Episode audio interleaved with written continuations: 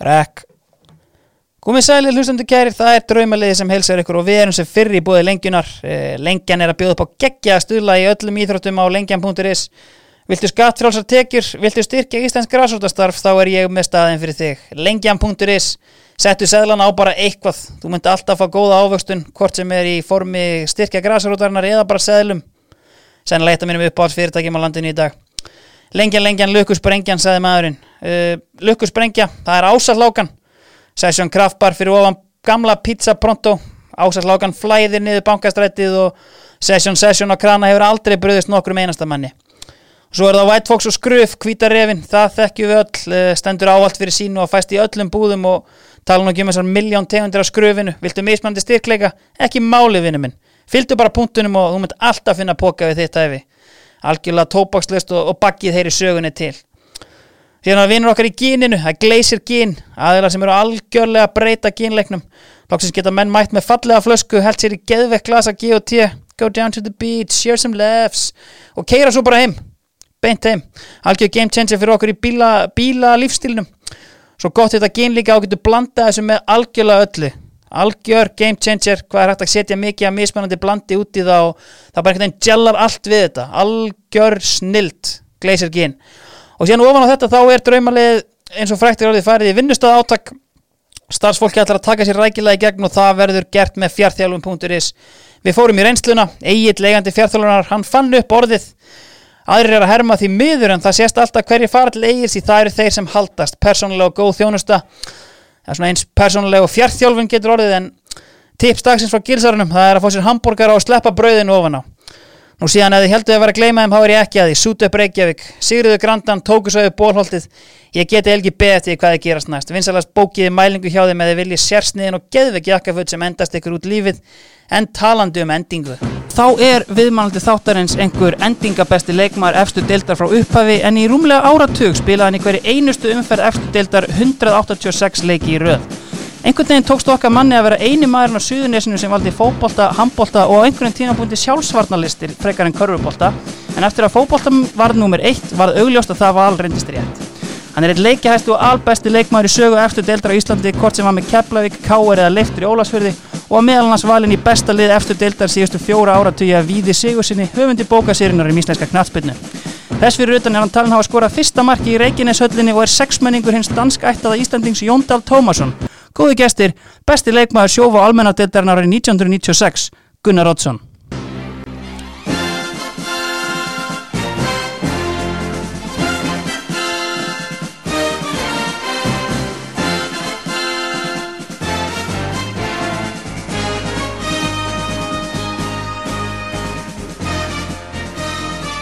Blessaði Gunnar. Blessa. Yfirþyrmandi kynning eða? Já, mér fannst það. Já. Það var, þetta var svolítið, svolítið mikið. Heyrðir þetta með víði hérna á sínum tíma? Já, ég fekk fregnir af Já, mjög skemmtilegt. Það sem að ég hjó aðalega eftir var hérna, hann setti þarna í hægri bakverðin í þessu liði. Já. En talaði nú um að þú hefði nú ekkert spilað þar, en spilaði ekki alveg eitthvað í káar í vörninu og hérna hægra megin? Ég spilaði í, í hérna Hafsend hjá KR, Svíber Mm. og Hægri Bakvörð Mm. og, og Miðjum. Já. Hvar varstu svona, einmitt, hérna, að ég einmitt var að skoða hérna eins og byggarslóðleikurinn uh, 89, þar ertu í hérna er í. Svíbernum, já. Hvar kunnur, en kunnir samt alltaf best við þið á miðinni? Já, ég var, ég var hérna, svona upplæði var Miðjumar. Já, einmitt. Ég fannst gaman að spila sérstaklega Bakvörðin, Mm var í ágætis formi og, og, og sannlega besta ári mitt hjá KR var 92 með hérna í Bakvörðin. Já, og þá, þá fekk ég alveg hérna, frýtt space upp völlin Já. og, og, og með himma sem var klókur að keira inn og Hilma Björns, já, einmitt. Algjörlega. Herðu, ef við færum okkur þá bara hérna, sko, ég talaði um að þú hefur ekkert verið í körfubolta en það var bara því ég fann ekkert um það. Varstu eitthvað í körfubolta? já, já, við, við vorum í, í hverfu handbolta og svo var ég náttúrulega mikill áhuga maður um bardagalisti Já, einmitt. og það kom sér ágætlega þegar maður var, var svona þokkala sterkur og, og, og, og svona vel á sig komin Já. þannig að það hjálpaði upp á að spila alla þessa leiki og sleppa svona þokkalega meðslafrýri Emmitt, já þó, vægast sagt. Herru, ef við byrjum hérna aðeins bara svona að létta aðeins lundina sko, ég kom inn á áðan að við erum í bóði Session Kraftbar það er einhver hvað, átján tímabili eftir deilt sem við spila er hvar svona á ákvaða stöðum svona á ferlinum voru menn helst að taka grimmastir í móralskum og hérna að hérna halda góðum móral og, og stemmingu á, á pöppum í, í hvaða liði og hvar var það? Ég myndi halda 85 liði hjá Keflavík og 89 KR og 93 Keflavík. Já, Þetta voru allt svona lið sem voru svona með skemmtilega blöndu að yngri og, og reyndari spilurum mhm. og svona þá, er, þá kemur þessi kemistri að, sem að villi kettinir ungu kveikja í eldri menn skil. og það var líka gaman, við förum í byggarúslit öll þessi ár. Já, að Já, svona stemmings hérna fílingur í þessu. Að það er svona það er, svona, það, það er þannig. Já, algjörlega. Herru, ef við byrjum bara hérna færum okkur þá bara hérna í liðið. Eins og ég saði átján tímabil var, var margar erfiðar stuður að velja í þessu Já, það voru nokkrar. Mm. en samt svona tiltöla tiltöla hérna, sáttur við þetta byrjanlega Já, ég get alveg hérna trúa því. Hver er í markinu hér? Við erum að Markinu- spila fjóri, fjóri, tveir, er það ekki? Fjóri, fjóri, tveir. Já, emitt og ég var náttúrulega með hörku markmenn. Algjörlega. Uh, Gulli komandandi keflaðugur til dæmis Mhm. svona þegar hann er að stíga sem fyrstu skrefi í þessu. Já, og hérna hann stóð sér ágætlega. Mhm. En, en svona hans fræðastól skein kannski herra lengra leið á ferilin Já, hvernig var hann einmitt þegar hann kom hérna í Keflæk, hann kemur hérna eftir að hafa verið Já, hann kom náttúrulega inn hérna tímabili 98 hjá Káur eins og algjör stormsveipur hérna og helt hreinu hérna endalist og þessi hann á bekknu 99, hvernig kemur hann hérna hjá, hann kemur til Keflæku 2000 eða ekki? Jó. Já, hann kom bara hérna þrælspræku til leiks og, og held tannaður og með strípurnar og, og svona skemmtilegu karakter stóð sér mjög vel. Og, og hérna við vorum kannski við vorum með svona hafðum verið að ströggla árinu áður og, og, og heldum því eiginlega áfram að, í, í smá ströggli sko. Mhm, en gulli, gulli stóð fyrir sínu. Algjörlega. Voru fleiri hérna markmann sem komið til greina? Já, ég var rosalega hrifin að hérna, Þorra Jóns fyrir norðan. Já, rosalegu keppnismæður mhm, skíðakappi Já. og, og, og svona náttúrulegt talent mhm þannig að hann var svona og hann var gaman aðrum að þorra algjörlega og svo var Stjáni náttúrulega Fimbo og hann var, hann var gutti bara þegar ég var í Káir Já. þegar síðan á Skagan mm Mhm. hann var svona meiri bekkjar og, og svo náttúrulega er Óli gott að það ég spila mörg ár með Óla Óli. Óli hérna er náttúrulega einn, einn af betri markmönnum svona deildarinnar frá. Já, en í markinu er samt Þorsteinn Bjarnason. Já. Keflingingur og auðvitað einna dáðustu markmannum þjóðarinnar. Svona kannski einmitt fullt af landsleikjum og en svona, veist, ég spyr oft út í þetta sko, veist, hvernig heldur honum myndi vegna í dag sem markmaður? Hafði hann svona, Ég held að Steini, sko, hann, ég spilaði nú leik með Steina fyrir tveimur árum, það var svona, svona, æfing, svona síningaleikur hann í Keflavík. Og, og, og Steini, sko, 60 já, stóð sér þræl vel, sko, þannig að Steini hefði alveg rúlað þessu upp í dag, sko. hann algjörlega, hafði, haf, það sem að Steini hafði upp á tíu, það var stjórnun og tal, já, svo var náttúrulega gríðalegur íþróttamæður, Körubolta, hérna var mjög góðu Köruboltamæður líka. mhm, þannig að hann var svona átt í tegin og Já. stjórnaði vel og það var rosalega gott að ég byrja að spila með hann í, í, hérna, þegar ég er hefja fyrirlin mhm. Þannig að það var þægild að hafa hann. Einmitt, þetta er einmitt þarna þú spilar eitt leikir það ekki 84 Jó, Já. spilaði leika 84 og síðan er þetta þarna breakout season 85 þegar þú tvítugur. Svona, Já, einmitt tölum á hann um uh, góð stemming í liðin og annað og farið þetta í byggarúslit var svona förum líka bara svona aðeins aftar og í yngri flokkana og svona, láða alltaf fyrir þér einhvern veginn einmitt fótboltinn og svona veist, Nei, dæmi? endilega. Ég var náttúrulega alltaf í fótbolta. Já. byrjaði að sparka snemma með pappa og fekk svona pappi var gammal fótbolta með Mm. mm. vestan mm Þannig að hann var áhugaðsamur um að, að, hérna, að sparka og, og það var að sparka á milli þannig að það, það kom sér ágætlega já, fyrsta touchi hefur alltaf verið ágætt Já. takan og sendingarna fínar en ég var svona kannski meira þú, það var svona framan af flyt upp á Skaga þegar ég er í hérna í þriðja og fjórðabekk Já, og, og hérna kem svo tilbaka, mamma er Skagamar mm. en kem svo tilbaka og þá svona byrja, byrja maður svona kannski að láta til sín taka eitthvað á, á fótboltaöllinum þó Mhm. ekki þannig að maður sé einhver, einhver stjarnar að maður var á yngra árinu en, en, Mm. en alltaf ágætur í fótbolta Já, en þetta er einmitt sko að því að veist, nú veit ég ekki alveg eins og hvernig þetta hefur verið sko eins og með yngri landslið og annað var, var það eitthvað hérna, sem var í gangi á þessum tíma yfir höfuð Já. þar eða? Nei, ég var ekki þar. Reyndar spila mína fyrstu yngri landsleiki bara þegar ég er á mínu fyrsta alvöru ári í, í, Já, já, 85, já. þá er ég valin 21 ás Já, liðið, mhm, fer með þeim til Spánar í, í, í, september eftir tímabil. Mhm. Og spila síðan eh, leiki út í Katar.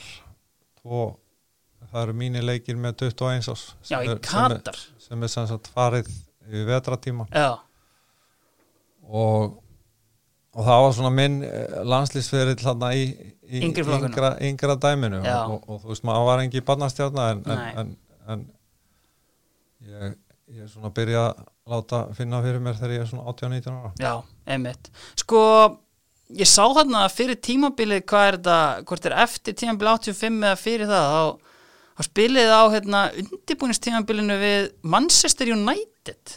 Það var 87 87, já Hvað, veist, hvernig kom það eiginlega til að hérna, lið fer og, og, og spilar á prísísson við, við United? Þa, það, var, það er ágætið sá baku það Já. sko, við, það er ráðinn þjálfari til okkar Já. Peter Keeling mm sem var svona kunnur bladamaður held ég þegar upp var staðið í, sem hafi bara góða tengingar meðal annars við, við hérna, landslýstjálfarna sem hafi gefið honum meðmæli en þegar á hólmið á komið þá, þá kunna hann ekki mikið í knattspyrnu fræðinum, já. En hann var ágætis langklaupari og við vorum svona í, í, í bríðilegu svona grunnformi en, en, en svona knasputnulega síðan var hann hafði hann ekki mikla þekkingu. Nei, en hann hefði ágætis tengingar og, og, og, og meðal annars hérna fórum við hérna út og, og, og spiluðum við, við, við erum varaliði hjá United. Voru einhverjir hérna úr aðaliðinu sem voru að spila þarna, var þetta bara þá voru nokkrir þekktir kappar sem spiluðu sko. Jesper Olsen já, kongurinn Graham Hogg og, og hérna, það var einhverju fleiri. Ég, hérna, en þeir voru hörku góðir og, og hérna við sáum ekki til sólar. Ég minnir að það hafi farið 7-0 til leik. Einmitt. En sko annar markmaður sem spilaði með uh, seniorinn, oftast kallaði Steppi Arnars, handbóltaþjálfari Já, Steppi Arnar, já. Hvað hérna, þú veist, hvernig var hann í marki? Steppi fýt margmaður Já. og, og, og ótrúlega öflugur líka svona félagslega skemmtilegur í klefa og, og léttur og, og, en hann var bara hörku fýtn íþróttamæður og las leikin vel og, og þeir voru þarna í fyrsta ári mitt hjá Káir þá þeir Steppi Jó og Palli Ólas haf- hafði semst að spila áður árin á undan Mm sem ungur Já, hjá Gordon Lee mm. og, og svo Steppi Arnars já, einmitt. Herðu, eða kannski aðeins um hennan byggar leikarna 1985 uh, Þið lendið þarna í, í fram er það ekki? Jó. og þú veist hvað hérna, svona einhverjar minningar frá þeim leika? Já, við vorum svona kannski, það var svona yfirspenna í, í liðinu, Já. við höfum sem sagt, tekið fram heima 3-0 skömmu áður. Já. og vorum svona alveg þokkalega brattir á það en þeir voru náttúrulega með hörku Já, lið einmitt. Og, og hérna og, og, og slátur okkur í rauninni í þessum leik sko. Já, einmitt. Förum þá bara upp í hérna vörnina. Ef ekki að byrja bara á uh, hægri bakverðinum Ég er með Jakob Már Jónarsson Já, einmitt. Grjótarður uh, Já, Hann er 71 mótil eitthvað svo leiðis Er það ekki? hann er 71 Já, hvenær svona einmitt hérna, spilaru fyrst með honum þá bara þegar kemur hérna 93 til já, baka? já, já, þá kem ég og, og hitti koppa og, og, og hérna maður fann strax að það var svona kappi í honum Já. og, og, og maður fílaði hann. Já, og það var einmitt það sem engendi hans leik að, að menn voru svona oftar en ekki skítrættir við hann. Já, eldfljótur og grjótarður og, og svona líkanlega sterkur. Einmitt. Þannig að mér fannst hann svona stundum á, á köflum svona fu- full hérna ákafur í að tækla í staðin fyrir að spila en jáfnframt tók hann bestu spilarna algjörlega á taugum bara, veist, bara með einni góðri tæklingu sko. Já, einmitt. Sko ég hérna, ég sendi á þig hérna fyrir þátt einmitt sko svona harðasti maður sem að maður hefur hérna kosti kynni við á, á vellinum. Ég menn hann hérna hann væntalega rankar mjög hátt þar. Já, hann er, hann er einn af þeim og alveg grjót harður í lóðunum. Já, einmitt. En svo harðast í svona í sem að ég spilaði með það ég held að það hafi verið Óli Þór Magnússon. Já, strækir Já, Já. hann var svona, þú veist, honum fannst þú rosalega gaman að halda boltanum og það var að hamri í hann og negli í hann, þú veist, hann að ósér hlífin, hann spilaði fullt af leikjum sem hann átti í rauninni ekkert að spila bara því að fá okkur að deyfisbröður og já, já, hann gaf allt að kosta sér og, og, og hendi sér í allt sko. algjörlega. Þannig að eh, harðasti maðurinn í draumaliðinu í bóði fjartþólunar.is það er eh, Óli Þór Magnússon, strækir Jónharð, er hann færiskur eða? Já, Já, það er hann svoleiðis heiti Jónhard uh, Já, pappans, já, já, hann heitir ekki Jón, að, Jón Hart, já, einmitt. En, en sko, hann fer einmitt þarna, hann fer til Helsingborg uh, en Gunnar Oddsson fór í rauninni aldrei út, er það nokkuð? Það er kannski bara þarna í, til Þýskalands. Ég fór til Þýskalands svona á, á, á lán. Já, hérna í þrjá mánuði. Hvað er óperlíkan eða eitthvað svoleiðis? Já, Já, þriðja dildin, sko, sportfrændi síkan Já. svona fyrir hrunið þá voru einmitt hérna margir sem að hérna þó nokkur Íslendingar sem voru spila í þessari dild Já, Totti og Heimi Guðjóns Já. sem ég hafi farið þarna líka mm um tíma. Mm, Þannig að þetta var mjög skemmtilega reynsla og, og þetta var alveg hörku bolti sko. Þetta var svona þriðja deild og spilaði í ykkurum átta, átta riðlum já, já, einmitt. Já þetta, var, þetta var alveg áhugaverðu tími og, og, og, og komið lengi vetur í það, veist, þannig að maður gatt svona, ég átti fínt sísón í kjölfarið. En hvað hérna, þú veist, var aldrei meira svona eftir þetta eitthvað sem að koma upp eða veist, sóttist þið ekki mikið eftir því að fara út Nei, þetta var kannski á þessum árum þegar þá er, er þetta þá er ekki- það ekki, Já, ekki bósmann kominn og þannig að maður hefði nú örgulega fengið eitthvað, eitthvað tækifæri til þess að fara eitthvað ef þetta verið opnara. En síðan einmitt svona heyri maður kannski af kannski fleiri leikmönnum einmitt hérna Já, þú veit hérna kannski orðin kannski síðan einmitt þegar Bossmann kemur hann kannski 96-7 og svoleiðis að þá er ég komin í þrít Já, kannski hérna lítið endursölu valju og annað Já, einmitt En hérna, finnst þér eins og þú, þú veist, hefðir getað eða hefðir kannski svona pussað meira á það eða veist, var svona veist, eins og til dæmis kannski umbóðsmennska lítið í gangi eða veist, hvernig svona var þetta? ég, fyrir mér var þetta kannski, þú veist, ekki disjúði sko. Nei hérna, þannig lagað sko. mm, eflaust ef að tækifærin hefði verið fleiri eins og þau eru í dag veist, eða sérstaklega kannski fyrir COVID. Mm það er kannski orðið bínu stíplaðar núna. Einmitt. Herru, vinstri bakurinn. Ég hef mig gæst Gilvason þar. Já, einmitt. Eitt leikjast í leikmaður Íslandsmótsins frá upphafi. Uh, Tiltölulega nýhættur að spila Já. 51 áseldi Einmitt, nákvæmlega. Sko, ég heyri bara nafni Gestur Gilvason og það sem að poppar alltaf fyrst upp í hugan á mér er uh, sennilega frægasti byggarúsleikur nútíma söguna 1997 Hvernig, byrjum bara á, hvernig, hvernig leikmaður var Gestur? Gestur var svona sko, íþróttumæður Já. ég kynnist honum bara sem krakka á, Mhm. á kirkjutúnnu Já, við vorum í sama hverfi Mm. og, og hérna, svona eh, mjög aktífur já, og hefði geta orðið framúskarandi korfbóltamæður líka Mhm. og hann hefði valið það. Já, en fyrst og fremst svona orkum mikill og, og, og, og, og úthaldsgóður mhm, fín vinstri fótur. Já, og var svona sóknamaður til að byrja með. Já, hann að spila sína fyrstu leiki þannig. Mhm, sem svona vengmaður hljóp mikið og, og, og, og hérna síðan eh, er hann settur í bakverðin og Mhm. hann finnur sér vel þar. Já, og ágæti skallamaður líkanlega sterkur og grjótharður. Já, nákvæmlega. Þannig að mannum, sko, ég man eftir því að, að hérna, hafa heyrt það að liðin sem komu söður eftir þeir voru bara skítrættir við að spila við menn hana því að þarna voru menn sem að letu finna fyrir sér Í sikkurum bakverðunum, og líka, þú veist Kalli Fimboa og Já, var líka grjótarður sem Mhm. spilaði þarna líka vinstra megin og gestur hafði þá fært sig inn í hafsendin já, en gestur var hann var fýtt fótboltamaður en, en hörku varnamaður líka. Algjörlega. Þá förum við bara hérna út í hérna, byggarústæðleiki 97 uh, Þetta er á móti IPVAF uh, Þannig að þú tekjum við sem þjálfari liðsins með hérna, Sigga Björgvins Já. uh, Þið byrjuð tímabilið á fullu gasi. Ég meina vinni fyrstu sex leikina. Síðan var nú aðeins búið að fjara eh, hratt undan þess að í dildinni og Óli Gott farin til Skotlands og hérna Þannig þið komið kannski inn í þessa leiki sem frekar miklur underdogs það móti Íslandsmeisturum í BVF. Já, heldur betur og vorum, búin að tapa fyrir þeim í seitni umfyrinni sko 5-1 í eigum Já, og, og svona þeir voru með hörkulið mhm, þannig að við vorum svona við vorum klálega underdogs í, í, í, í því.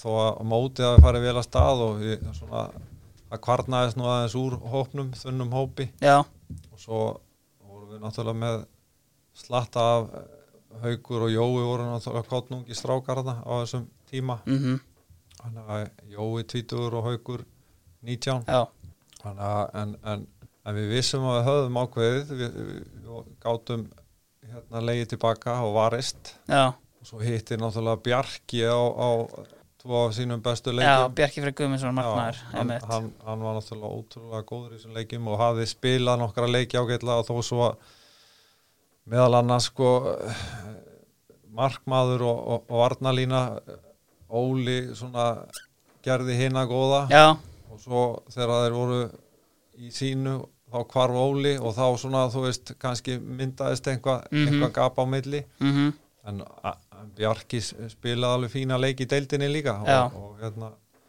það var svona eitt og annað sem gekk á í, í hérna hópnu, meðsli og sem gerði það að verkum að, að, að hópurum veiktist en, Mhm. en við náðum náttúrulega ekki mörgum stigum í setniðurinn nei, einmitt. En sko, ef við förum bara út í, þetta er náttúrulega tveir úrstættileiki sem við spilaði þarna. Það er hérna, fyrir leikurinn er einhvern tíman í, hérna, ágúst held ég, þar sem að, hérna, lok, lok, lok ágúst Já. og annan september, nei, oktober minni mig já, einmitt, að já, þeir voru í Evrópukefni hann í BVF já. Leifur Geir uh, ferðumst innan hús COVID-hetja, hann kemur hérna í BVF yfir á 100. mínútu og, og á, já fyrir þá sem ekki vita 119. mínútu þá, hérna, þá poppar Gestur Gílvarsson upp með lélegt skot á markið, fórnar höndum en lítur síðan upp og þá er trillt keflaðegustúka og hann er búin að jafna leikin það var í rauninni sko, kemur löngsending upp í hotni á Adolfi mannrétt sem að sendir hann fyrir Já, og svo kemur hann þetta, þetta ótrúlega skot hjá honum. Gesti. Að þetta var svona líður mann var- ekki það var, það var lukka yfir en þetta gaf okkur náttúrulega helling og, er það ekki? og, og fyrir setni leikin þá hafði maður svona einhverja tilfinningu fyrir Mm. því að væri eitthvað að fara að gerast. Þetta er náttúrulega þið hangið út af velli og fagnið í rauninni, veist, ég held, ég er hérna sex ára og ég horf að leikin, ég held að Keflavík væri orðin byggamestrar hérna, Þetta var náttúrulega svolítið svona eh, já, þetta, eh, þetta var svona svona ævintýra já, stammar yfir þessu og náttúrulega tvei leikir og, og Keflavík hafi verið í brasi svona, svona greiðslu brasi svo flest knæspundum félög Já.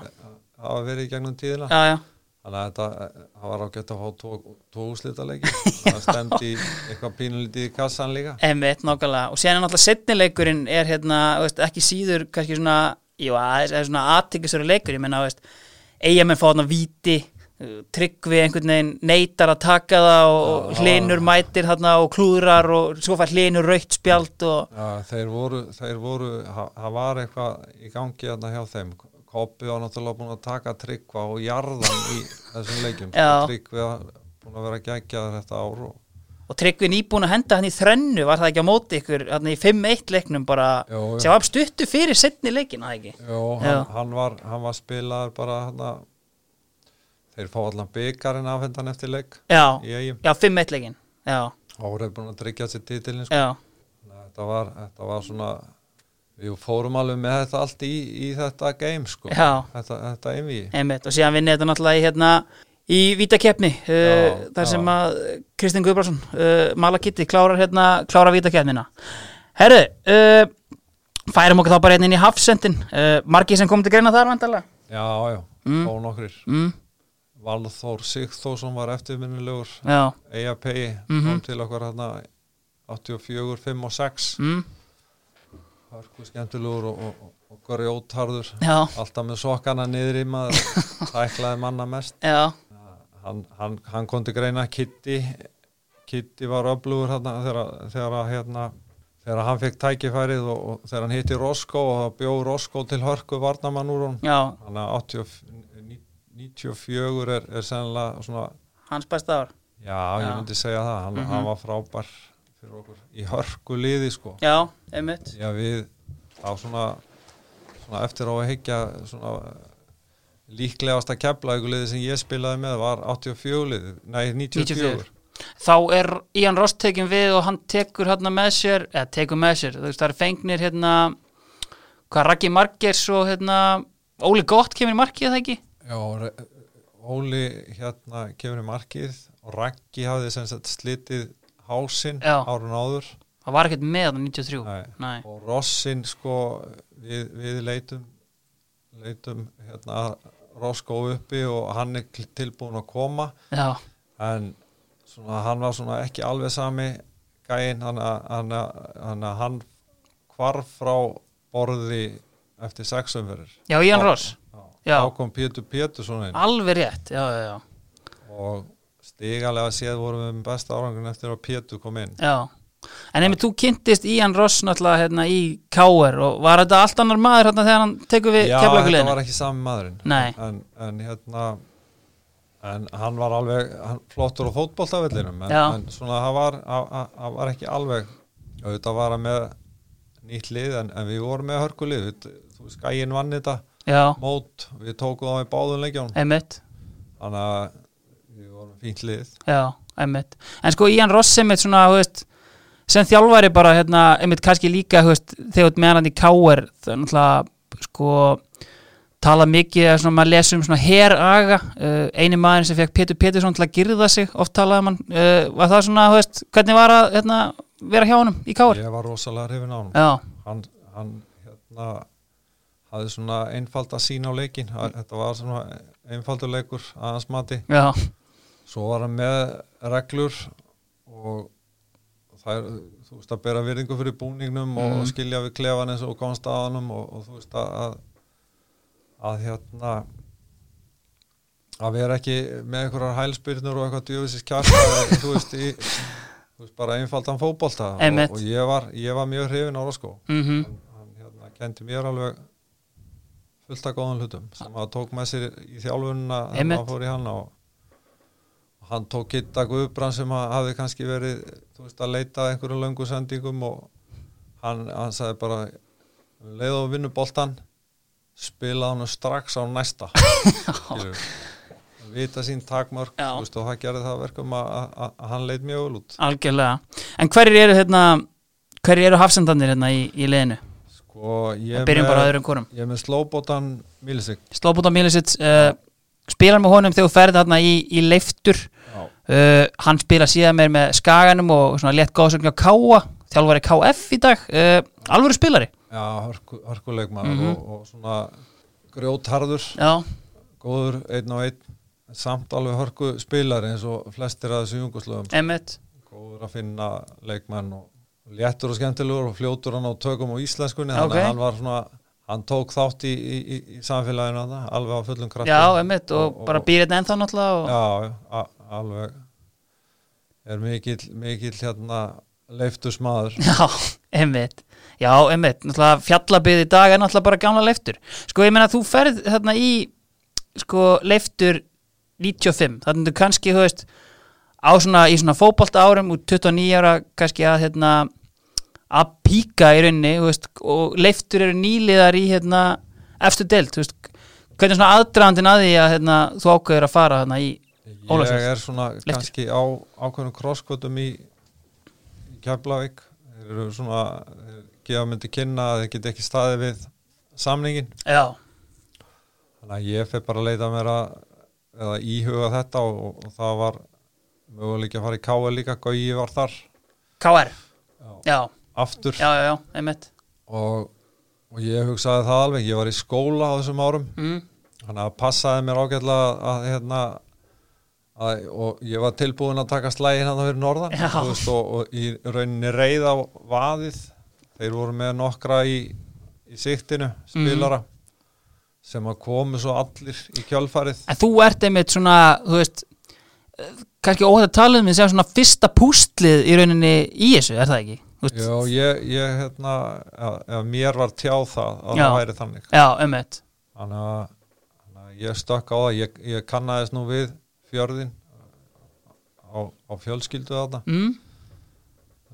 ömmu bróðir býratna og ég, ég skilst að hans afkomandur séu svona eitthvað nála 2% af íbúðum að þannig að ég kunni vel við með það. Já, einmitt. Það var dálítið sérstakt undirbúinustíðanbilið svona öðruvís heldur en maður átt að venjast Já, og kom mér ekki dýtla því að ég hef alltaf verið duglegur að æfa sjálfur líka. Já, á, þannig að alltaf að verið í seipi og hérna svo var Óskar náttúrulega með einhverja grimmar hestúsæfingar öndurum á sinnum og, og svo voru við á gerðugrassinu Mhm. það var svona svolítið bland í póka nokkur lið að æfa saman og Vestmanni eitthvað voru að eitthvað og já. þetta er svona daldið öðruvísið með tvískipta hópa. En einmitt sko tvískipta hópa Ég er svona kannski ímynda mér að veist Það hafi nánast bara verið töluvert stærri hópur í bænum Já, heldur en já, nokkuð tíman á Já, já, það var í rauninni þannig. Já, hver á svona, veist, voru margir heimamenn í leftusliðinu? uh, Nei, Nei, Þorri var þarna já, kýper, Sigurbjörn, Já. Jakobs. Mhm, Matti Sigvalda var, þeir voru svona í kringu liðið. Mhm, svona yngri menn. Emitt, en svona ef maður, þú veist, kannski hérna, veist, mér leiðist mjög mikið og hef ekki hérna gert það mikið að hérna talsefni að tala um peninga inn í þessum þáttum, en sko, þú veist, á þessum tíma erum við kannski að tala um það að leiftur er náttúrulega bara að koma upp úr hérna, og þetta er náttúrulega mjög áhugaverð saga, þetta leifturs ævintýri, þeir koma hann upp í efstu deild og í rauninni sækja haug af leikmönnum Uh, þetta fyrsta ár, ég meina þú uh, Raki Gísla kemur frá stjörnunni Já. Baldur Braga? Baldur var þarna Já, hann varð þarna, já og þú veist, síðan stigum magnast þetta bara svona ár eftir ár einhvern veginn, veist, Já, Júli Tryggva kom hann það sama ári ég einmitt en þú veist, kannski svona, án þess að eitthvað að fara nákvæmlega út í það, þú veist var þetta besti samningur sem þú fegst á ferlinum? Já, ég sem, sem Gastu einhvern, ja, til dæmis bara, varstu atvinnumæður á Ólafsfjörn? Nei, ég var náttúrulega ekkit aðtunum að það voru ekki þessir auðrar sem eru í dag en, en þetta var príðið samningur. Já, einmitt, að því maður einmitt hugsaður í dag, sko, veist, þetta er náttúrulega þetta væri frábært ef þetta væri til og veist, Káa virðist til dæmis hafa reyndið þetta að ákveðnu leiti veist, þeir eru reyna að sækja fullt af leikmennum en það vill bara enginn fara veist, það er sama hvað er með bóðið einhvern veginn en þarna bara fara bestu leikmenn deildarinnar bara á Ólafsfjörð. Já, þetta var svona, það var Gunnar Már var þarna líka. Já, hann var út í skóla þetta var svona, þú veist, og voru voru- þetta voru svona vertíðamenn já, Það voru kannski ekki fastri vinnu söður Já, frá. þannig mhm. að þannig að þetta passaði námsmenn það passaði sumum ágætlega en öðrum verð en þannig að niðurstaðan okkar er rauninni svo að, þú veist, jú, auðvitað einhver slags, hérna, peningar en þú veist, en samt líka bara kannski meiri ævintýra þrá þarna heldur en er í leikmönnum í dag, Já, kannski. ég, ma maður var bara komin á ákveðin stað líka í þessu og, og hérna langaði bara að prófa. Já, einmitt. Sko, og 96 tímabilið, ég meina það ertu valinn eins og ég kom inn á hérna í byrjun veist, besti leikmaði mótsins þú veist, er þetta þitt besta tímabil hérna í deildinni? uh, Kom þér á óvart? Þau, þau voru nokkur ágætt sko, ég var náttúrulega bara heppin að Gummi Ben skildi Já. í fyrirumfyrinni Já. því að hann var búin að vera stórkostlegur einmitt, og Heimir var líka búin að vera segur Heimi Guðjóns, já, hann, hann átti mjög gott tímabil og Alli Högna minni mig og einhverju fleiri sko mm þannig að ég var búin að eiga fínt tímabil líka já, en, en hérna yfirleitt hefur þetta nú verið valið úr, úr mestaraliðum algjörlega. En það sem að gerist einmitt tímabilið 96 að hérna þið komist í Európa-keppni og hérna og þú í rauninni ákveður að hérna, segja þetta gott á veist, Já, þá var ég náttúrulega bara búinn með skólan og Já. a- ætlaði að fara að festa mér og bú- búsettur í, í Keflavík. Þannig að ég ég hérna setti stefnun á það. Já Kýtlaði ekkert að vera, veist, eitt tímabilið viðbútt að taka Európa-keppnin að það með þeim? Jú, jú, það hefur- það hefur oft kýtlað. Ég meina, ég labbaði líki burtu frá Evrópukefni í Einmitt, Þarna 92, Já. þannig að maður hefur ekkert alltaf tekið 100% rétt af ákvarðanir. Svo, svo, svo hérna en, en þetta var hefur þetta allt verið fínt sko. Já, algjörlega Ka, ég hitti einhvern tíðan Káering sem sagði þetta jöfnvisi sváviti varst að fara að ná Káir maður var ekki að vendi öllu partíinum og ég þórða með tvo einmitt. tveimur orðum síðar. Mm En hvernig einmitt hérna, við snertum bara aðeins á því Náttúrulega, þú ferðat í KR eh, fyrir tímabilið 88 og þarna er K.R. náttúrulega ekki búið að vinna titil í háa herrans tíð en veist, en á þessum tíma sem eftir þarna það er sóttur sko hauga af leikmönnum og þetta er sko 90 liðið er mögulega bara eitt besta lið sem ekki hefur orðið Íslandsmeistari að mínum að því þú veist, var, var svona áþreifanleg þingst svona hvaða var langt síðan titillin kom? Jú, það var það, menn, það var að pressa það Já. og er alltaf að pressa. Já, en það var alveg mér einum ólíkindu sérstaklega í byggaleikjónum að við skildum ekki taka, já, taka hérna valsar hann á það en svona er þetta bara. En, en liði var vel mannað og, og hérna og hérna Íslandsmóti var spennandi alveg frá maður síðustu mínútu. Tala kannski aðeins meir í mækin og hérna en, en þetta við töpum fyrir framarónum á lögaldasvöldinum og við mistum sigurleik í Vestmannum 2 nú lifir, Tommi skora 2 hann í í, í lokin. Þannig að þetta, þetta liggur svona við það en, en, en liði var ótrúlega vel mannað og, og, og hérna og frábært lið sko. síðan einmitt sérstaklega á 90 þá tapið á, á markatölu fyrir fram sko, og fram er náttúrulega 2-0 undir í háluleikarna móti val. Uh, vissuðu það í háluleik já, við vissum það. Já, það var svona það það það var komið svona partystemming í Vesturbæinn það var að eins og þetta já, en það var í rauninni alveg ótrúlegt hvernig eh, segir framararnir að, að, hérna, snúa þessu við. að snúa þessu við því að Valur var ekkit með neitt slórlið Nei, það nei. voru með eh, landslýsvörnina ef ég mann rétt. Já, og, og, og hörku lið sko algjört lús-lús dæmi fyrir val að aðfenda fram með að káar titilin en, en já, einmitt nákvæmlega. Sko, hérna, en hver er með hérna slópundan Mílisits í, í hafsendinum? Atli Evaldsson Atli Eðvalds, hann kemur hérna hvað kemur hann 90? kemur 90 Já, einmitt, og er náttúrulega í þessu liði? Já, kemur inn í þetta, þú veist, uh, risastórt nafn, náttúrulega landslýsfyrirliðin og, og, og, og svona tók mikið til sín, var, var átti klefan og, og menn stóðu bara hringin í kringum hann og hann sagði sögur og það var svona gaman að þessu. Já, Hann, en fyrst og fremst var hann náttúrulega góðu félagi og þetta var svona hlý, hlý manneskja, hann Einmitt. vildi svona flestum vel og, og, og þó hann hafi verið harður í hóttantakinn á vellinum þá, þá, þá var þetta svona skemmtileg típa. mm sko það sem maður oft heyrt um Atla er einhvern veginn einmitt svona þessi veist, svona hlýleiki en samt svona veist, að hérna, þú veist, hann krefst veist, framlags frá manni svona. fastu fyrir og ákveðin Já. og, og, og, og svona það er svona þjóðveri í honum sko. Já, einmitt, en svona einmitt, þú veist kannski svona gæði sem kemur inn og, og svona liftir öllu upp á hærra plan einhvern veginn bara í klúbunum sem hann var í. Já, já hann, hann kom alveg með með látum, við vorum nú alveg ágætlega mannaðar á hann kom. Já, já. Hann, hann kemur svo inn í þetta og hann gæti spila alla stöður. Já, spilaði fjölmarka stöður fyrir, fyrir Káer en, en ég skell honum í hafsendina því mér varst hann alltaf bestur þar. Það er einmitt málið, ég menna hann fer sko á atvinnum hann fer sem framherji. Já, væng, vængmaður fyrst Já. að með minnir hjá Val og, og, og svo er hann settur í senderinn og, og raðar í Já, og síðan einmitt sko á hann ekki bara landslýsferil sem hafsend eða? Jú, hann, hann, var, hann var líka að spila frammi þegar hann var, var yngri Já, já, já, einmitt. En einmitt svona, þú veist, bara svona einmitt svona einn af þeim albestu sem þú spilaði með? Já, já, hann, hann, hann er klálega þar og, og, og gríðarlega sterkur í loftinu og, og hérna og talandum hérna 92 tímabilið þá var hann djúpur á miðunni og, ég fekk að rjúka þarna fram og hann settist alltaf, þú veist, og passaði alltaf Já. upp á fylla hóluna. Já, og svo, svo náttúrulega spjallaði hann og, og, og kvatti já. Þannig að hann var alvöru. Topp maður.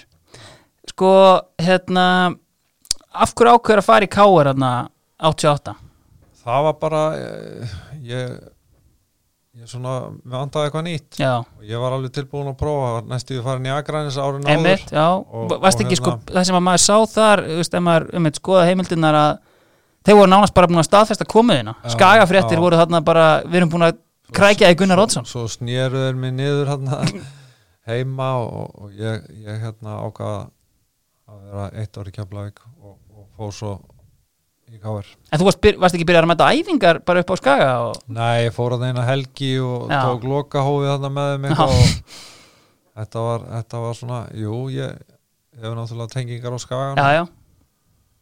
Og hérna það var spennandi líka. Mm En hver er að þjálfa Það er Ian Ross sem er að þjálfa þegar þú kemur hann Ian Ross er Já. ráðinn hann Gordon Lee er árinu undan. Já, svo tekur Ross, kemur frá val. En eins og komst inn á hann hérna, langklauparinn Peter Keeling hérna, aðeins verið að þjálfa keflaði árinu áður og það tekur einhver annar breyti við af honum, er það ekki? í hérna Í keflaði já, Veist, var þetta, veist, varstu svona einhvern veginn bara svona, ég nenni ekki að vera einna lengur eða var það, veist, Nei, ég langaði bara til þess að hérna, taka næstu skref. Já, og, og hérna og K.R. var spennandi. Já, algjörlega. Herru, uh, varnalínan komin. Uh, fær okkur bara upp hérna á já, kannski bara á uh, hægri kantin Já, hægri kantinum er ég með Soran.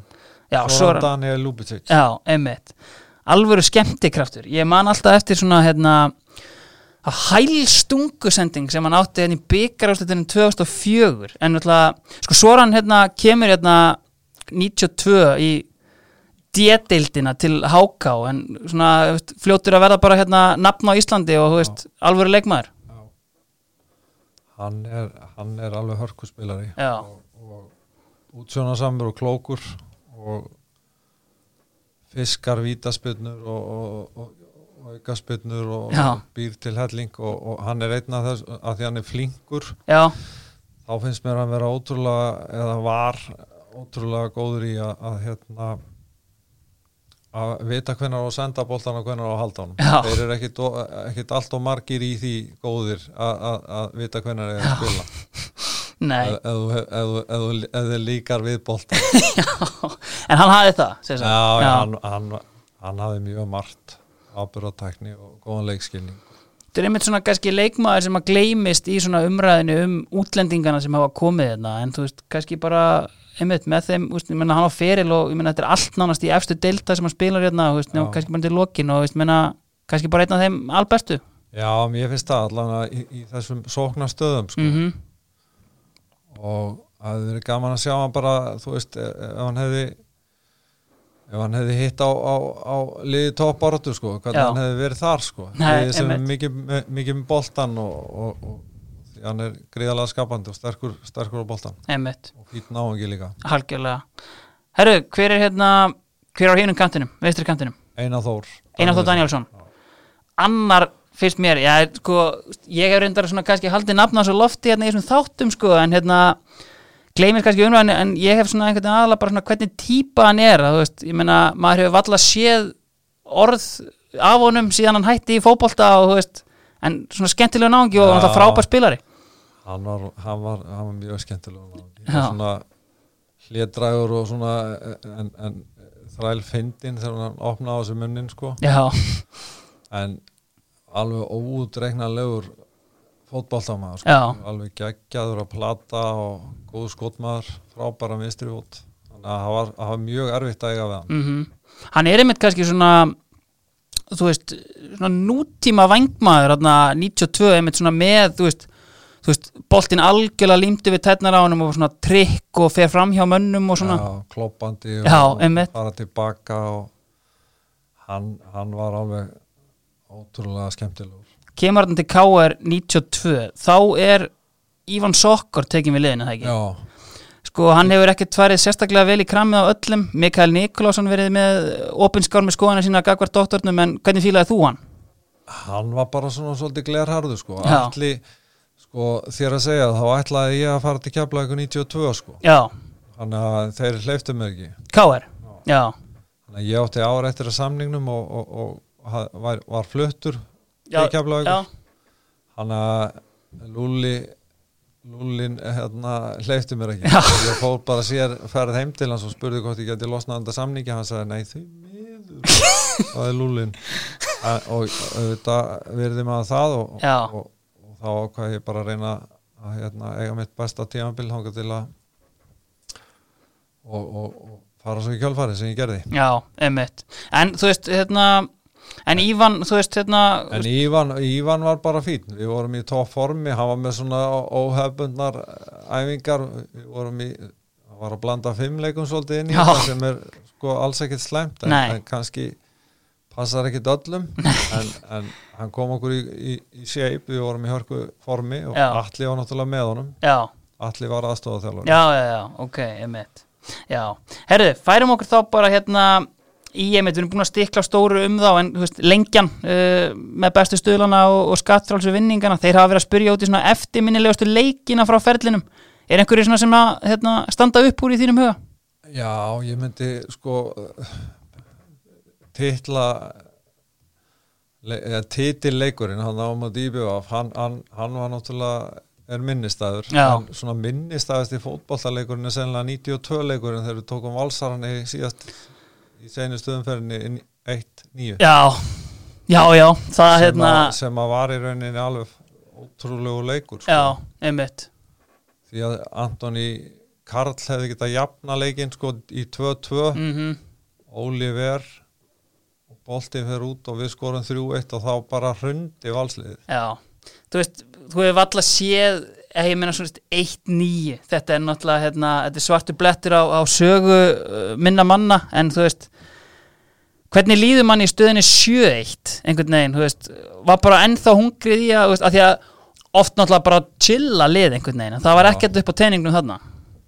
Og valslið er náttúrulega ekkert grín lið þarna við, sko. við, við veginn, það, það var svona Valur var hérna svona erki óvinnurinn okkar Já, já. á þessum tíma. Já, og ég svona, mér var alveg slétt saman þeir höfðu einu sinni sko tekið Keflavík í 87 þegar við vorum með langlauparan þarna.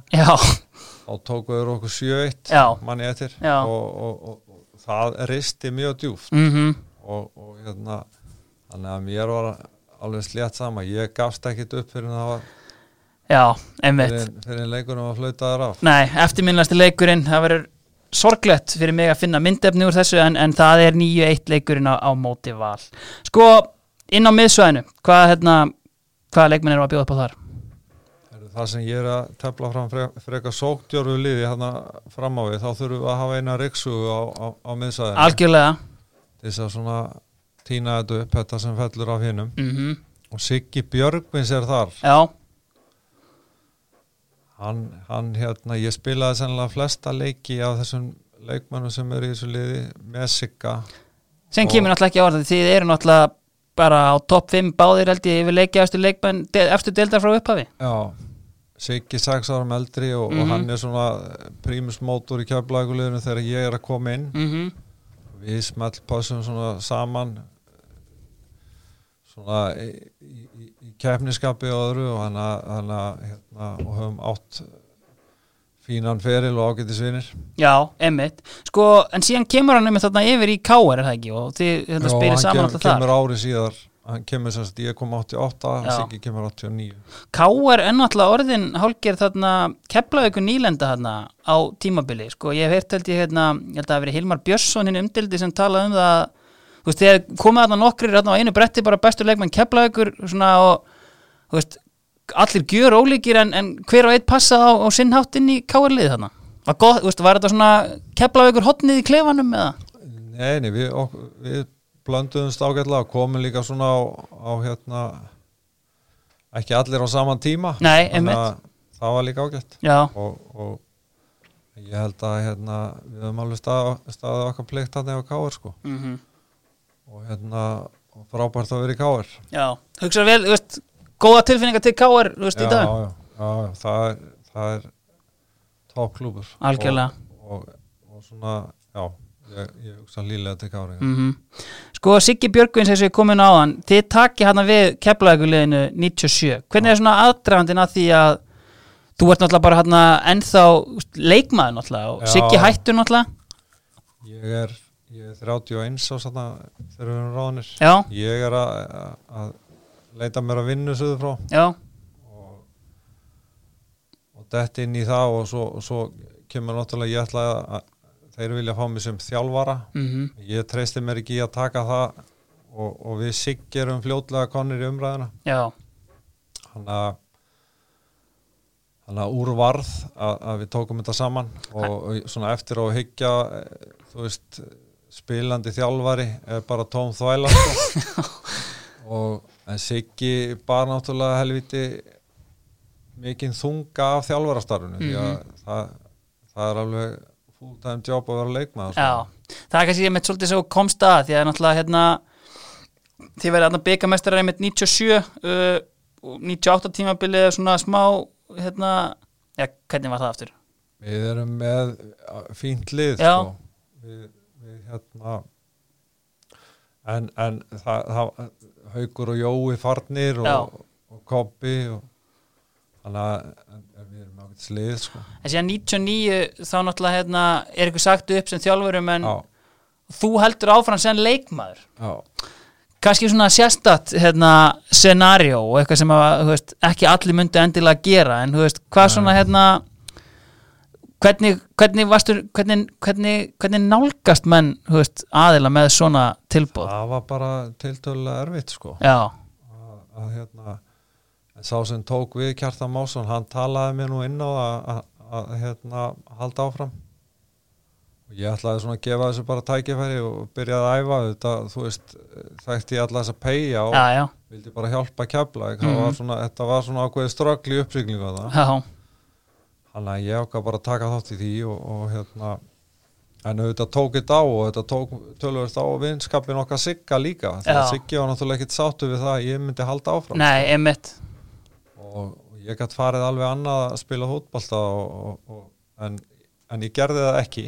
Og, og hérna og stend, stend og fell með því. Já, já, algjörlega. Sko mm, síðan náttúrulega heldur allskis ringla áfram með lið og 2000 tekur þá ekki bara aftur við keflaði eitthvað Já, í síðustu leikjunum? Palli, og Steini Bjarnar tókum Já. þetta þegar að Palli var látið fara og, og hérna, það var nú pínlítið öðruvísi að því ég hafði meðist í leik á móti stjörnunni tóknaði helviti illa á, mm á hnið og mista síðustu leikjánum Já, hann er það sem hún missir hann úr í fyrsta skipti í tíu ár hann leik. Já, þegar þú tekur við sem þjálfari. Já, En sko þarna, hérna eitthvað stað las ég að Pétur Péturs hefði átt að taka við liðinu. Hvenær var það?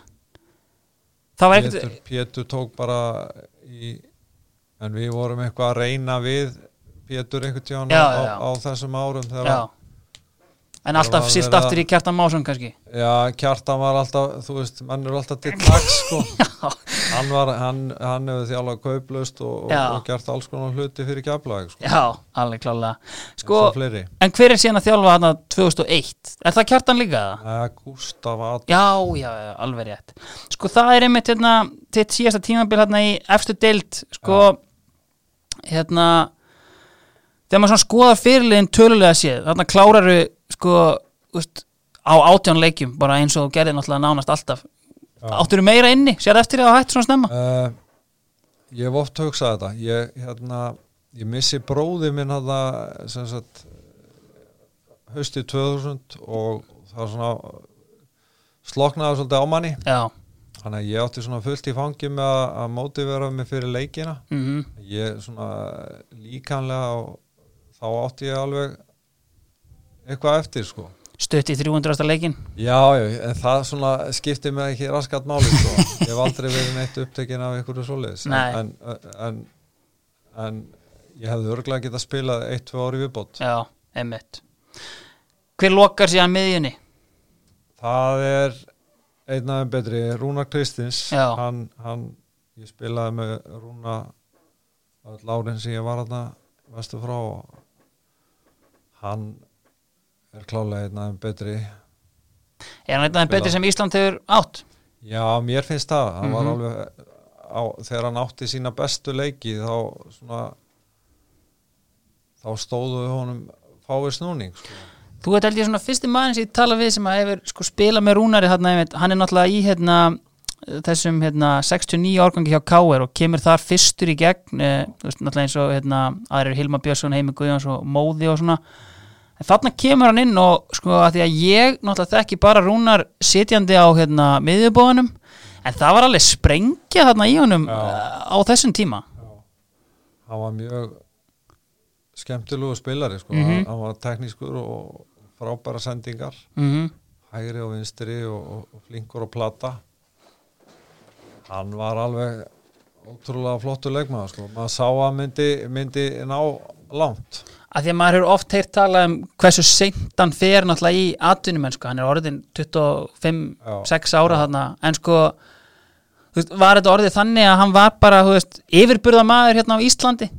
Fæst ég það? já, já, hann hann, hann hefði hugsanlega getað farið fyrir út en, en, en hérna ég held að hann hafi farið á ágætis tíamúti Mm Já, hveði náttúrulega Jú, jú, hann var, hann var náttúrulega en auðvitað staðna menn á Íslandi svona sko, ef þú ætlar að taka skrefi lengra þá þarf það að fara í hraðari bolta í, í, í meiri og stærri deildir. Mm algjörlega. Sko, eitt sem að kannski hérna vekur aðtigli er að liði sem spilar hérna með, þetta er fullt af hérna mönnum sem að setna meir eruðu þjálfarar á hérna á hérna á, á sinni lífsleið. Til dæmis ef við nefnum bara já, byrjum bara á Willum Þór hvernig, hvernig leikmaður var Willum Willum var hörku leikmaður sko. mm. Skemmtileg típa mikill bardagamaður og, já, og kappi og svona, var svona æfingasjúkur ég held að Willum hafi verið eh, stundum í ofþjálun þú veist hann var hann, var, hann hljóp Reykjavíkur marathon og spilaði svo fyrstaflósleik um kvöldið og þú veist hann var Já.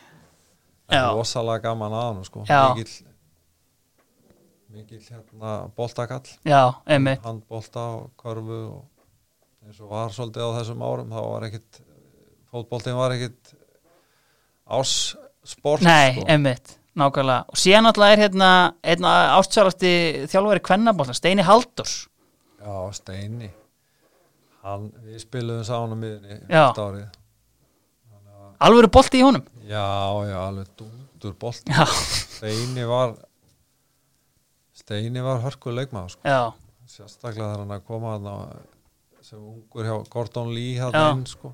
það var svaka og mikið skap og mhm.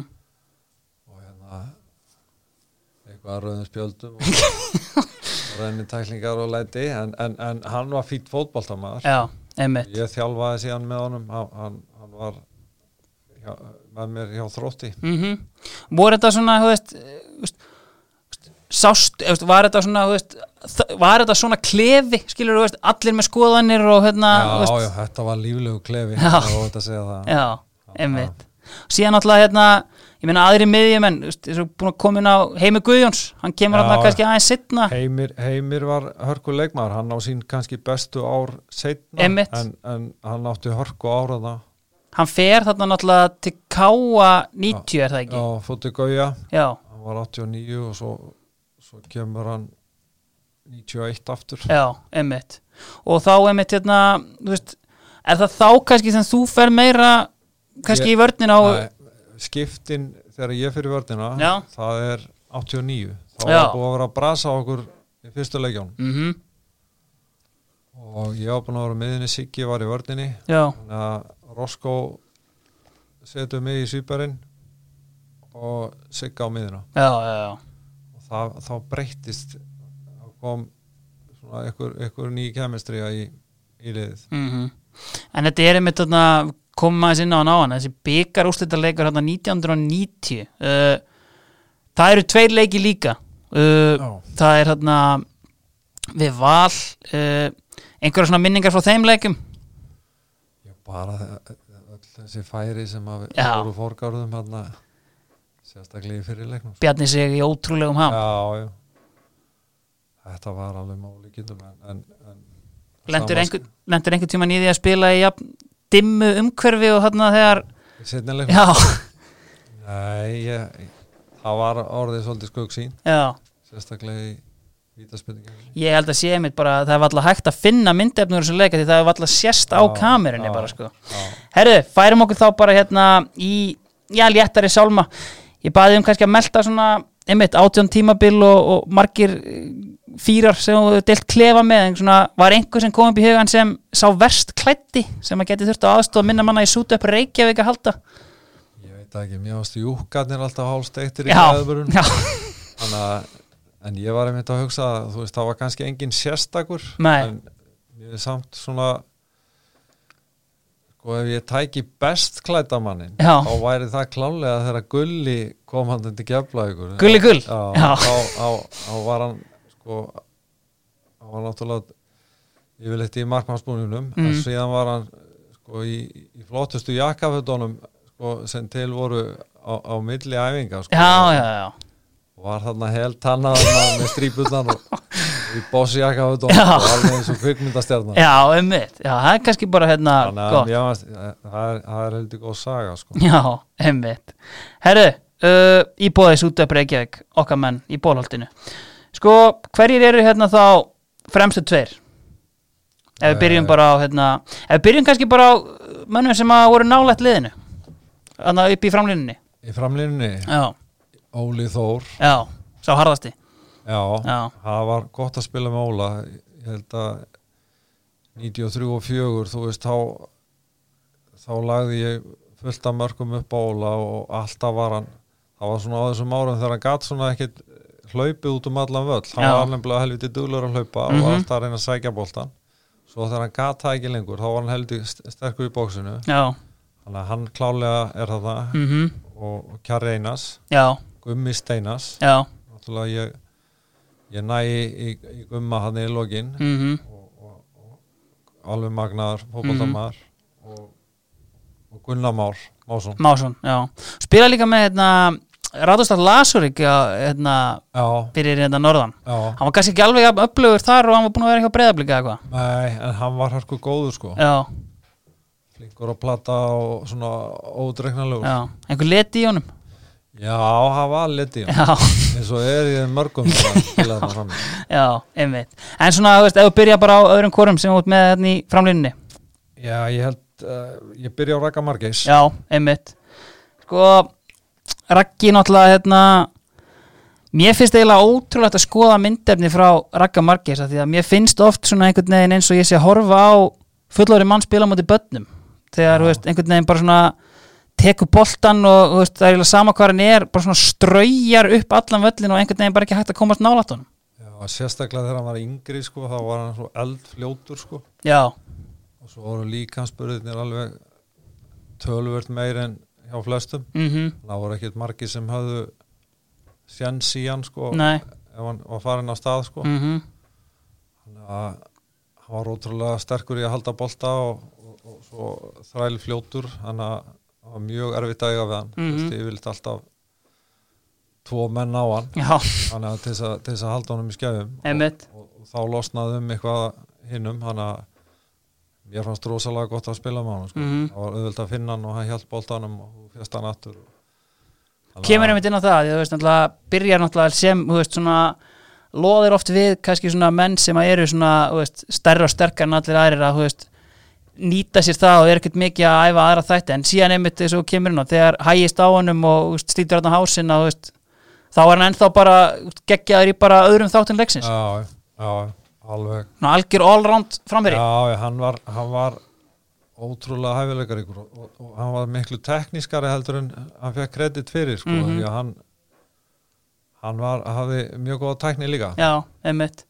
Menna, þú veist, respectable ferill alveg klálega, veist, hérna með við þennan tíma einhvern veginn en þú veist, manni finnst klálega eins og það hefði geta gerst kannski stærri hlutir. Já, já, alveg, alveg pottjött Al, hann var alveg innistæða fyrir því mm og, og maður sá það líka þegar maður spilaði með honum. Ég spilaði með honum hann að Evrópuleiki og svona þá sá maður alveg þú veist að hann hann þeim ekkert eftir þessum, þessum gæðin sem hann var að spila móti. Nei, einmitt, og líka náttúrulega bara fullt af landsleikjum þú veist, í, já, já. í þeim pælingum, sko. Og hann er bara gutti þegar hann er valinn í landsliði sko. Þannig að hann er 18 ára. Já.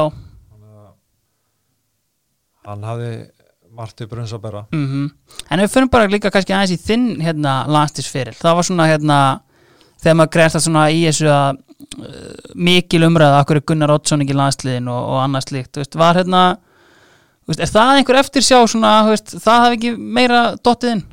Nei, sjálfur sér ekki sko auðvitað hefði maður alveg viljað spila alveg í landslíki Mhm. og, og, og hérna var þó nokkuð oft valinn í landslið Já, út í kringum hópin á þess að spila, já, já. Og, en auðvitað, þú veist, voru bara hörku spilar Já. þarna fyrir Já. og maður þarf bara að vera heiðalegu með það Já, en, en jú, ég hef alveg verið til í að spila fyrir lands, Já. fyrir landslíki og ef einhverju tölfræði gúruðar hefur verið farnir að rýna í þetta þá, þá ég þrjáleiki og unnu, Já, og það skora er- eitt mark. Já, það eru ekki gott. margir sem státa af því sko. En þetta er, sko, fyrsti leikurinn er það ekki, þarna og eini mótsleikurinn, vantilega, sem er á móti Tyrkjum? Já, Já, þá kemur hérna Guðni Kjartans og tekur við þarna Siggi Held eða ekki? Já, tekur síðasta leikin Já, búin að vera þarna smá átök innan lagsleysin einhvern veginn. Pétur Pétur var í einhverju útlegð og, og, og, og fleiri voru ekki valdir og, þið komið þarna inn og, lokið Já. Tyrkjunum bara. Já, og það, það var svona það voru einhver afföll í þessu og að hann að þú veist að en, en, sem betur ég inn í þann leik og, og, og Pétur kom hann náttúrulega og, og hérna síndi hvernig átt að gera þetta. Já, og já, Totti Örlíks Totti og, já já, já, þetta var þetta var það var aðeins verið að fríska upp á þetta. Já, og svo voru þeir hann að geiri og já þetta var, var þetta ekki kveðjuleikjur hérna Áskir Sigurvins já, Já, einmitt. Skemmtilegt. Sko, hérna Guðni Kjartans hann alltaf var, var hann ekki þjálfaði líka í Káar já, Jú, góðu maður.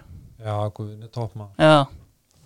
Herðu, uh, hvað ég eftir að snerta á hérna? Það er kannski sko byggarúst þetta er 93 það er kannski eini byggarústleikum sem við höfum eftir að fara yfir er það ekki Já, þá hérna, það var hörkuleikur já, komin já, einmitt, hvernig svona það er þá uh, 85, 89, það er fjóruði leikurinn uh, fjóruða tapið var svona Já. einhvern veginn farið að leggjast á sálinna einhvern veginn Já, það var en þú veist, það er gaman að komast í leikina sko, Já. vera allan að spila um þetta Já. þannig að maður það er einlega eitthvað að líta á það já, já. En auðvitað, þú veist, er, er silfrið er ekkert varið í silfur. Nei, veist, það er bara þannig. Já, en þennan leik spiluðu vel á móti hörkuliði skaman já, já, klálega. Og, og hérna þeir, eh, þú veist, maður var ósáttu við fyrra markið. Já. svona, Óli lendir Já, alveg rétt, brot þarna Já, eða já. svona, þú veist það er klókur Bíbesitt sem, já. sem fer upp í hann og, og þú veist, það hefði alveg verið að dæma Já, fólk á það, alveg, já, en það var ekki. Að- en þeir voru þeir, þetta var alveg ótrúlega öflutlið skabísana sko. og náttúrulega annar hérna framherri sem spilaði með sem skorar í heimleik, Marko Tanasic. Já, Góður já, leikmaður? já, frábær leikmaður. Hann var hann alveg á markánum að komast í þetta lið. Ég náði vel góðu sambandi við Marko. Mhm. Ef við förum þá bara hérna í hérna manni sem loka liðinu, frammi. Já, það er Pétur Pétursson. Já, kannski svona einmitt eins og Raggi Marges svona einnir af bestu leikmennir sem við höfum átt. Já, klálega. Og ótrúlegt sko að hann skulle koma hérna heim 27 ára veist með þetta rekord og, og, og hérna og klára sig hann bara fyrirlin á Íslandi veist, með þessa hæfileika sko. Já. að hann síndi það oftar en einu sinni að hann, hann hefði getað spilað í bestu deildum. Já Hvernig hérna, hvernig kemur þú kemur inn að, kemur 27 ára og þú veist, hérna veist, hvernig kom hann til leiks hérna, var þetta svona, þú veist svekkjál sem var komin nefn, eða bara mjög hungraður bara í allt og hérna? Nei, nei, hann er að koma bara hann er, hann er að koma frá Spáni ef maður rétt og, og, og hvort að andelegt hafi áttan eða þú veist, hann, hann kemur svona Já. í einhverju svoleiðis Já, svoleiðis klemmu. Mhm. Og, og er bara já, svona ábyggilega í upphafi ætlaði hann að fara aftur út Já, já. síðan, síðan bara atvikast hlutinni bara þannig að, að, að hann, hann fer ekki, hann fekk fullt af tilbóðum þess að fara aftur. síðan endar hann hjá Káir og hann kunni vel við sig á Káir og leið ágætlega þar. Já, emmitt Ég þetta er náttúrulega bara alvöru markar refur og uh, það var í rauninni engin spurning þegar við fórum yfir þetta í bóði White Fox og Skruf uh, að, að Pétur Pétus uh, maður sem raðaði inn setti einhver 29 mörg á einu ári fyrir Feyenoord. Þetta er bara refur draumaliðsins hjá uh, Gunnar Jótsinni Þá er liðið komið, við rennum bara yfir þetta örstnögt. Það er uh, Steini Bjarnar í markinu uh, Jakob Már Jónhars, Slobodan Mílisits Atli Eðvalds og gestur Gilva í vörninni. Á miðinni Sóran Ljúpisits, Rúnar Kristinn, Siggi Björgvins og Einar Þór Danielsson og upp á topp Raggi Margers og Pétur Péturs. Sko við förum kannski aðeins út í hérna svona setni árin á, á ferlinum hjá þér að þú veist, það er náttúrulega þá eru þessir ungu keflingingar sem við erum búin að snerta á, Jói B og, og hérna, Haukur Ingi uh, til þess bara Haukur Ingi veist, ég meina, hann spila hann tímabil með þér hérna, þú veist, áður en hann fer til Liverpool Já, hann er í liðinu 97 Já, veist, hversu mikið talent, er hann á þessum tíma? Mér fannst það náttúrulega rosalega talent sko. Já, með þennan hraða og hann var flinkur á talandum að vita hvena maður á honum og hvenar ekki. Já. hann var ekki alveg með það. Ef hann hefði verið með það veist, þá hefði hann verið beittari. Já, og bara bakka upp fyrir Michael Owen. Já, hann hann, hann hérna hann hefði getað náð lengra hann hefði verið hefnari Já, meðsli og kannski var ekki liðbúl ekki rétti klúburum fyrir hann? Nei, maður svona hugsast það einhvern veginn að Nei, nákvæmlega. En, en til dæmis einmitt Jói B. líka náttúrulega sem á síðan bara náttúrulega tíu ára feril í atvinnumennsku bara svona Já. mjög fínan feril. Já. og það líka einmitt svona Já, talent sem þú sástarlega var að fara að falla leið? Jói var fljótlega farin að stimpla sig inn sko. Já, hann, hann hafði margt í brunns að bera. Síðan alltaf annar maður sem að hérna, sem að bjargar keflaði kanna uh, tímabili áður en þú tekur við liðinu Þórarinn Kristjánsson. Ég fengi nokkra hérna, sem að hérna, ólust upp með honum og hann var svona hálger badnastjarnar einhvern veginn svona hérna, þegar hann er að koma í gegn. Auðvitað bara veist, maður með mjög respektabúl feril hérna á Íslandi en veist, hvernig svona blast hann við því að þú tókst við liðinu þarna sem þjálfari? Tóti og mjög spennandi leikmaður. Og, og svona hafði, hafði þessa eiginleika að það var auðvöld að finna hann. Já, þú veist, maður finnur það bara um leið og maður fer inn á völli með að, að, veist, það er svo mikil kostur að hafa framherja sem er auðvöld að finna. Mhm, en hann hafði ekki mikið hraða. Nei, en hann, var, hann, hann hafði þetta markanef og, og hérna ótrúlega öflugur sko. Ég, og skemmtileg típa já. Þannig að ég var hrifin að tóta. Síðan náttúrulega hérna, maðurinn kannski sem að hérna, svona mín kynslu myndi hérna challenge af þig sem geitin úr kefla það er Gummi Steinars, þú veist, hann er náttúrulega hérna, hvað hann hefur þú veist, hérna, hann fór endur eitthvað aðeins að því fram en þú veist, ég meina hvað myndir ranka hann til dæmis bara svona í góðsögnum kefla ykkur, bara í fremstur og þar er það ekki? Já, það er bara klárt. Oft kannski svona talað um hérna metnað kannski og líkanlegt atgerf og annað í tengslu við Gumma hefðan, hefðan geta náð ennþá lengra? Já, ég hef sagt það oftar en einu sinni að, að hérna, miða við það sem Gummi síndi svona á, á sínum toppum þá hefði ég alveg viljað sjá það fleiri og ég hefði líka viljað sjá fleiri ár því að Gummi hættir alltaf snemma að spila. Já, Þannig að miða við það sem hann, að því að hann var hann meittist ekki mikið en Gummi. Nei, og, og svona sterkur og þá hefði ég hefði alveg verið til í að sjá hann taka 2-3 í viðbót Já. og, og, og maður sér það bara þegar hann er að drattast inn á Old Boys æfingar með okkur núna þú veist þessar neglingar það er ekki Já. margir á Íslandi sem er að negla boltanum eins og hann er að gera í dag sko. þetta er rosalegasti vinstri fóti sem ég sé í dildinni Já, sko, það er já. alveg pottitt þegar, þegar hann var í stuði bara þegar maður var að æfa með honum þegar hann var upp á sitt besta forminu Já, átti maður ekki sjens í hann sko. nei, einmitt Sko síðan er það hérna, kannski endan það er spurning hérna frá uh, okkar nýju mönnum í Glacier Gin. Uh, þeir kalla sig oft tólta mannin í partíinu það er hægt að blanda öllu út í Glacier Ginið. Uh, svona eða mætti taka tólta mann inn í liðið engungu út frá svona móralsku stemming og annað er einhvers veit eftir í hug þar? já, ég myndi taka Bjössa Raps. Já, strækjar hérna úr Káa já, Já, já, Vi, við vorum miklu vinnir og, og, og, vorum mikið saman þegar vorum í gáðar já, bæði innan sem utan vallar og vorum með þessi að vinna saman á tímanbyrjun Bjössi var ákvæmlega skemmtilegu já maður sem tjellaði vel við alla og já, já. gott bland já, út í Glacierið. Já, já, hann, hann kunni þetta. Algjörlega, í bóði Glacier Gin og svona, klárum þetta kannski aðeins. Hver myndi þjálfa lið? Margir vantarlega hérna segja fast með á þessum tíma. Já, Holbert, ég byrjaði með Holbert Hólbert Friðjóns, já, hann hafði, það var gott vera í hópa. Mhm, hann var svona und, undan sinni samtíð með leikreiningu og pælingar sko. Já, ok. Þannig að allt á einhverjum svona gulum blöðum sem hver og eitt leikmaður sko fekk bara svona A4 tvö blöð um, um móterjan og, og svona hvað þú áttir að vera í þessu. Mm þannig að ég ætli ég væri ekki með ég væri með þríæki ég væri með ég væri með Holbert. Mm. og svo væri ég með Roscoe og svo væri ég með Kjartan Másson Já. þannig að þess að rífa þetta í gang Já, og ef eitthvað bregst þá tekur hann við öllu saman já, já. Herru, uh, hver er svona er einhver sem að stendur upp úr svona sem kannski svona erfiðasti anstæðingur sem að mættir hérna á Íslandi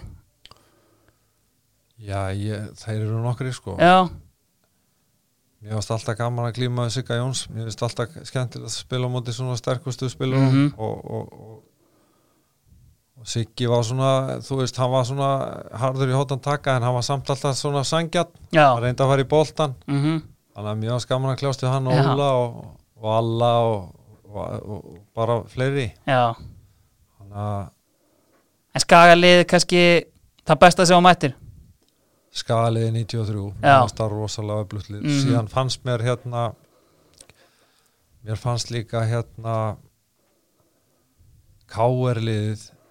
sko þegar að 99 Já. það fannst það rosalega gott lið. Og, og 96 liði líka aðna Já, sem tapa þarna úslitaleiknum með Rikka og Gumma Ben frammi. já, það var, það var hörkulið mm Og kannski svona eins og sem að ég var búin að hérna, spyrja kannski aðeins á er kannski bara endingu? Er einhver eftir sjá þarna á ferlinum? Á annars glæstum ferli? Nei, í rauninni ekki sko. Í rauninni ekki. Maður, sko, ég hef alltaf horta á þetta þannig að, að þú veist að maður sko tekur ykkur á ákvarðinu og þarf að standa með þeim bara. Og, og auðvitað hefði maður kannski geta tekið ykkurar, ykkurar aðrar beigur eða, eða haldið áfram. Mm. en, en fyrst og síðast kynntist maður bara fullt af hólki og, og, og það hefur komið henni til góða og, og, og fyrir það er ég þakkláttur. Frábær loka orð Gunnar, ég ætla bara að þakka þér kærlega fyrir að koma inn í draumalið Þið var að hlusta hlusta draumalið í bóði lengjunar